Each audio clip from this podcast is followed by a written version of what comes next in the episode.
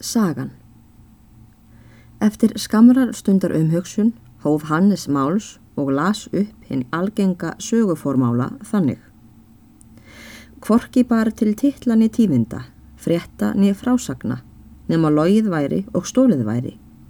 Vildi ég eigi minni sögu svo færi. Þó myndi ég eigi spara ef á lægi, fyrir lígin kom ekki fyrir en sjö árum setna en þetta var út frá gardi og söður frá og svo er enn á vorum dögum og sjaldan lígur sá sem fram ber. Eftir það hóf hann upp sögu sína á þessa leið. Einu sinni var kongur, er reð fyrir ríki. Ekki er þess getið hvað hann hétt eða hvar hann átti löndum að ráða. Hann hafði kvænst fyrir nokkrum árum og gengið að eiga unga kongstóttur úr öðru kongsríki. Þau kongur og drottning unnust hugástum. Þegar tími var til, lagðist drottningin á gólf og ól sveinbarn, forkunar fritt. Sveitin var vatnu auðsin og nefndur helgi og ólst hann upp í kongshöllinni. Þar til hann var átta vetra að aldri. Þá bar svo til eitt góðan veðurdag að tvær hyrðmegar drottningar veitu leifis að meiga hafa sveinin með sér á skemmtigöngu út fyrir kongshöllina og var drottningin treg við þeim tilmælum. En lefði það þó fyrir þrábeðinni hirðmæjana og sveinsins og lagði ríkt á við þær að koma aftur með sveinin innan tiltekins tíma. Þær hétu því. Gengu þær nú og sveitnin með þeim, en er tilsettur tími var liðin, voru kvorki megarnar komnar aftur nýja sveitnin. Drottningunni bræður mjög í brún og veit ekki hvað veldur. Lætur svipa stað hvort ekki sjáu til hirðmæjana en það hefur engin séð ferð þeirra nýja sveinsins. Hún segir þá konginum, manni sínum, hvar komið er og fær það honum mikillar áhyggju. Er nú hafinn leit eftir sveininum og finnst hann eigi. Síðan er leitað dag eftir dag og finnst kvorki sveitnin nýja megarnar er ekki að orðlengja það að atbyrður þessi fjekk þeim kongi og drottningu mesta harms eins og von var og treguðu þau sáran eftir svonar missin. Hér gerði Hannes hlý á sögunni og þófinu, hóstaði fyrst og ræsti sig en malti síðan. Ég skal byggja ykkur um að útvega mér að það drekka stúlkur góðar, en hafa það ekki kallt, blessaðar verið þið, ég þóli það ekki. Mig þyrstir við þetta þegar ég er bæði að erfiða og tala. Sjálfsagt, svarar unna. En þú mátt ekki segja frá á meðan ég sæki fyrir að það drekka, heyrir það? Svo skal vera, mælti Hannes, en vertu þá ekki lengi. Una fór nú ofan til að sækja drikkin og gerði Hannes kvorki að þæfa nýja segja frá á meðan Una var niðri.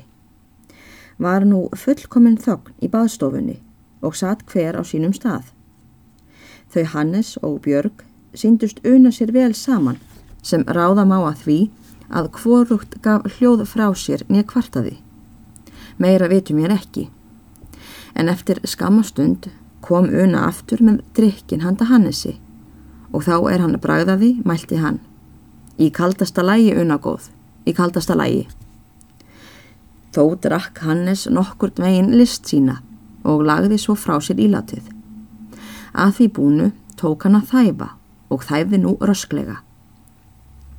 En jafnframt hóf hann upp aftur frásögu sína og hjælt áfram á þessa leið. Nú er þess að geta að þar í landi voru fjöll mikil og há, eigi all skamt en þó ekki mjög langt frá kongsöllinni og hafði menn lít kanna þessi fjöll og þóttu ógeng víðast hvar fyrir klettum og hömrum. Hátt uppi í fjöllunum var hellir eitt mikill. Engin maður í Kongsborginni vissi af þessum helli, því síður að nokkur hefði þar fæti stíð. Enda var hellismunin girtur háum, þvernýftum hömrum um hverfis á alla vegu. Aðalhellirinn láð þverbeint inn í hamravekkin, en út frá honum gekk til hægri handar aðhellir mikill myrkur og skuggalegur og hjælt þar hellisbúin til. Að kvöldi þess dags sem megarnar hurfu með sveinin var hann inni í helli sínum og hjælt á ungum sveini er lág í öngviti. Þessi sveit var Helgi Kongsson og leitaðist hellisbúin við að veki hann af öngvitinu. Þetta tókst og um síðir en er pilturinn rangaði við tók hann að gráta sáran og var óhugandi að því að skilja við foreldra sína. En þá gaf hellisbúin honum óminnistrykk sem ollið því að hann glimti föður og móður og öllu því er fyrr hafði á daga hans drefið. Eftir það fór hann að spekjast. Hellisbúin kallaði nú sveinin ásmund en bauð honum að nefna sig vermund. Fleira sagði hann honum ekki af högum sínum en bað hann una sér vel í hellinum og fekk honum leikfang til að skemta sér við. Fleira var kvikt í hellinum, sagði Hannes, en þeir vermundur og kongsson. Þar var hestur hellisbúans, mikill og fagur og var fags hans úr lísigulli og listi þar af um af hellin. Eftir þessu var hesturinn allur tígulegur En fremur var í hellinum, fuggleit er satt á klettsnös í hellinum. Hann var bundin við snusina með taug er síndist álnar löng þegar fugglin satt, en svo mikil tegja var í henni að fugglin gata ekki einungis flóið að vildsinni innan um hellin, heldur og langa leið út fyrir hann. Fugglin var dapur í bragði og söng einat með undarlegri og faguri rödd en var í hellinum skrín eitt mikið og hafið það steinslit. Á degi hverjum fór hellisbúin burt og á dýraveðar og fuggla til að afla þeim viðurværis og kom hann með jafnaði heim aftur eftir eitthvað stund með fugglakippu í hendiða dýr sem hann hafði veitt þeim til matar. Hann kom og á degi hverjum með fóður handa hestinum en fugglin leitaði sér sjálfur viðurværis út fyrir hellin. En ekki vissi Kongsson á hverju hann livði. Þegar hér var komið sögunni gerði Hannes hlið á þófunu sem snöggvast.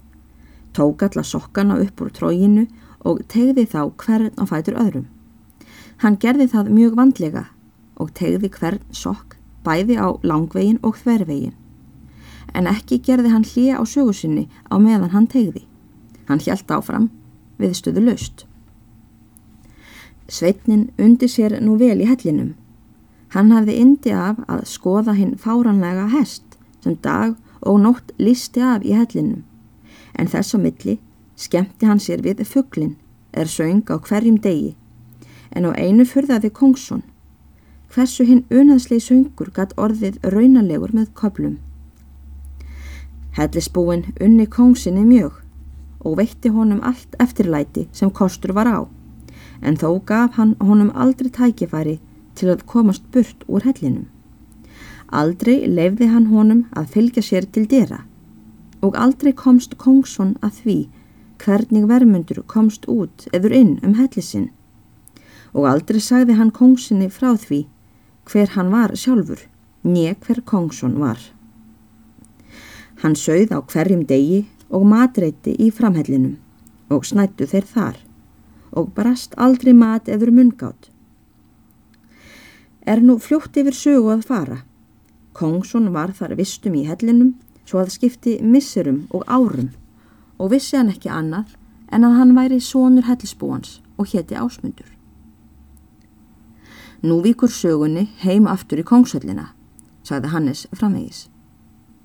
Þegar sveitnin var horfin var hans þrá leitað, svo sem áður er sagt og urðu þau kongur og drottning úrvinda af söknuði. En þegar vika var lifin frá kvarfi kongssonar kemur ókentur maður að kongshöllinni og beigðist að tala við kong og er honum veitt það. Hann segir kongi frá að hann hafi frétt um kvarf sonar hans og spyr hvort honum þykir mikið undir því að heimta són sinn aftur þó að það setna verði. Kongur svarar honum að því fremur vilji hann heimta són sinn aftur sem hann vilji heita þeim manni, náðsynni og miklum verðalönum er færi sér hann aftur. Þá segir komumadurinn að þessa kunni kostur að verða en það krefji langan frest og verði kongur að vera þólinnmóður. En sjáu hann ekki són sinn hér um byl að átta árum liðnum þá skuli hann hætta að vona. Lætur komumadur kong skilja að sónur hans muni að einhverju leiti vera álögum háður sem þó muni valda gæfu hans á endanum ef rétt sé á haldið. En þá er þér, herra, heyrið bresti miklu og dönur, er hveða við um allt yðar ríki, þá er komið að takmarkinu og þá skulu þér vænta svonariðar næsta dag. Sama dag muni þér og fretta til hirðmegjana. Að svo mæltu kvatti komumadurinn kong og fór leiðar sinnar. Kongur stóð eftir hugsandi og undrunar fullur, en þó gladari en áður, að því að mega vænta sonar síns aftur. Hann sagði drottningu sinni frá henni óljósu von, er hann hafði um heimkomu sonar síns og þótt þau að einu leitinu ekki þættust vita hverju var í framar að trúa eins og reyndar von var, þótti þeim þó hins vegar þessi von betri en engin. Hannes namn nú staðar í frásögunni og hætti að þæfa. Tók einn sokkin upp úr tróginu og mælti við aðalstein, er satt og stól vinstra megin við Hannes og rétt hjá hústyrjunum. Hann satt þar með litla Benedikt á hnésir. Farðu nú drengur minn, hvað Hannes? Og síndu prestskonunni sokkin og spurðu hvort hún vilji láta þæfa þá meir. Aðalstein bregður við og fer með sokkin inn í húsið hjónanna og var þar þá ljós komið. Prestkonan kemur þegar framfyrir og segir Ég er ánægð með þófið á sokkunum, Hannes minn. Þeir eru vel þæfir. Það er gott heilin góð, mælti Hannes. Þá megi þér koma með eitthvað annað handa mér að dunda við. Ég hef hérna vaðmálsbót þvælda, Hannes minn, segir prestkonan. En hún er sjálfsagt of stór í trógið öll í senn. Hún er tíu álnir á lengt. Ó nei, heilin góð. Mér hefur oft bóðist brattara, láti fyrir hann að koma. Mælti Hannes. En sem allra fyrst heilin góð, meðan hendurnar eru varmar. Prestkonan brá sér nú frá og komað vörmuspori aftur með voðina. Það er gott heilin góð, mælti Hannes og tók til að þæfa.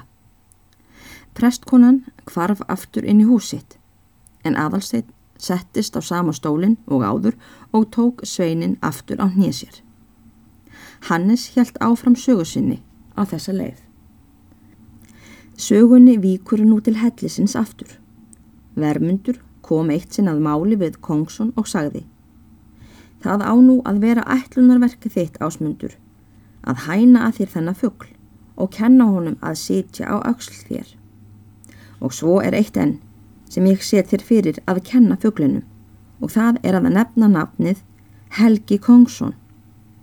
Ekki máttu hætta fyrir við en fugglin hefur lært að nefna nafn þetta, hverja fyrirhöfn og hver langan tíma sem það kostar.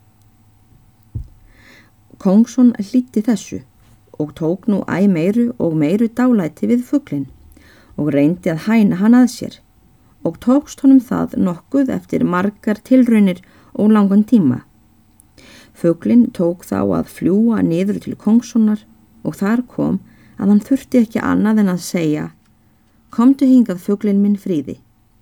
Þá kom föglin niður af klettsnösunni og settist hjá kongsunni og söng þá föglin óvenjulega fagurst með köplum. En alltaf bar þessi rödd hinn undarlega keim sem kongsson gata ekki fælt sig við eða gjört sér grein fyrir.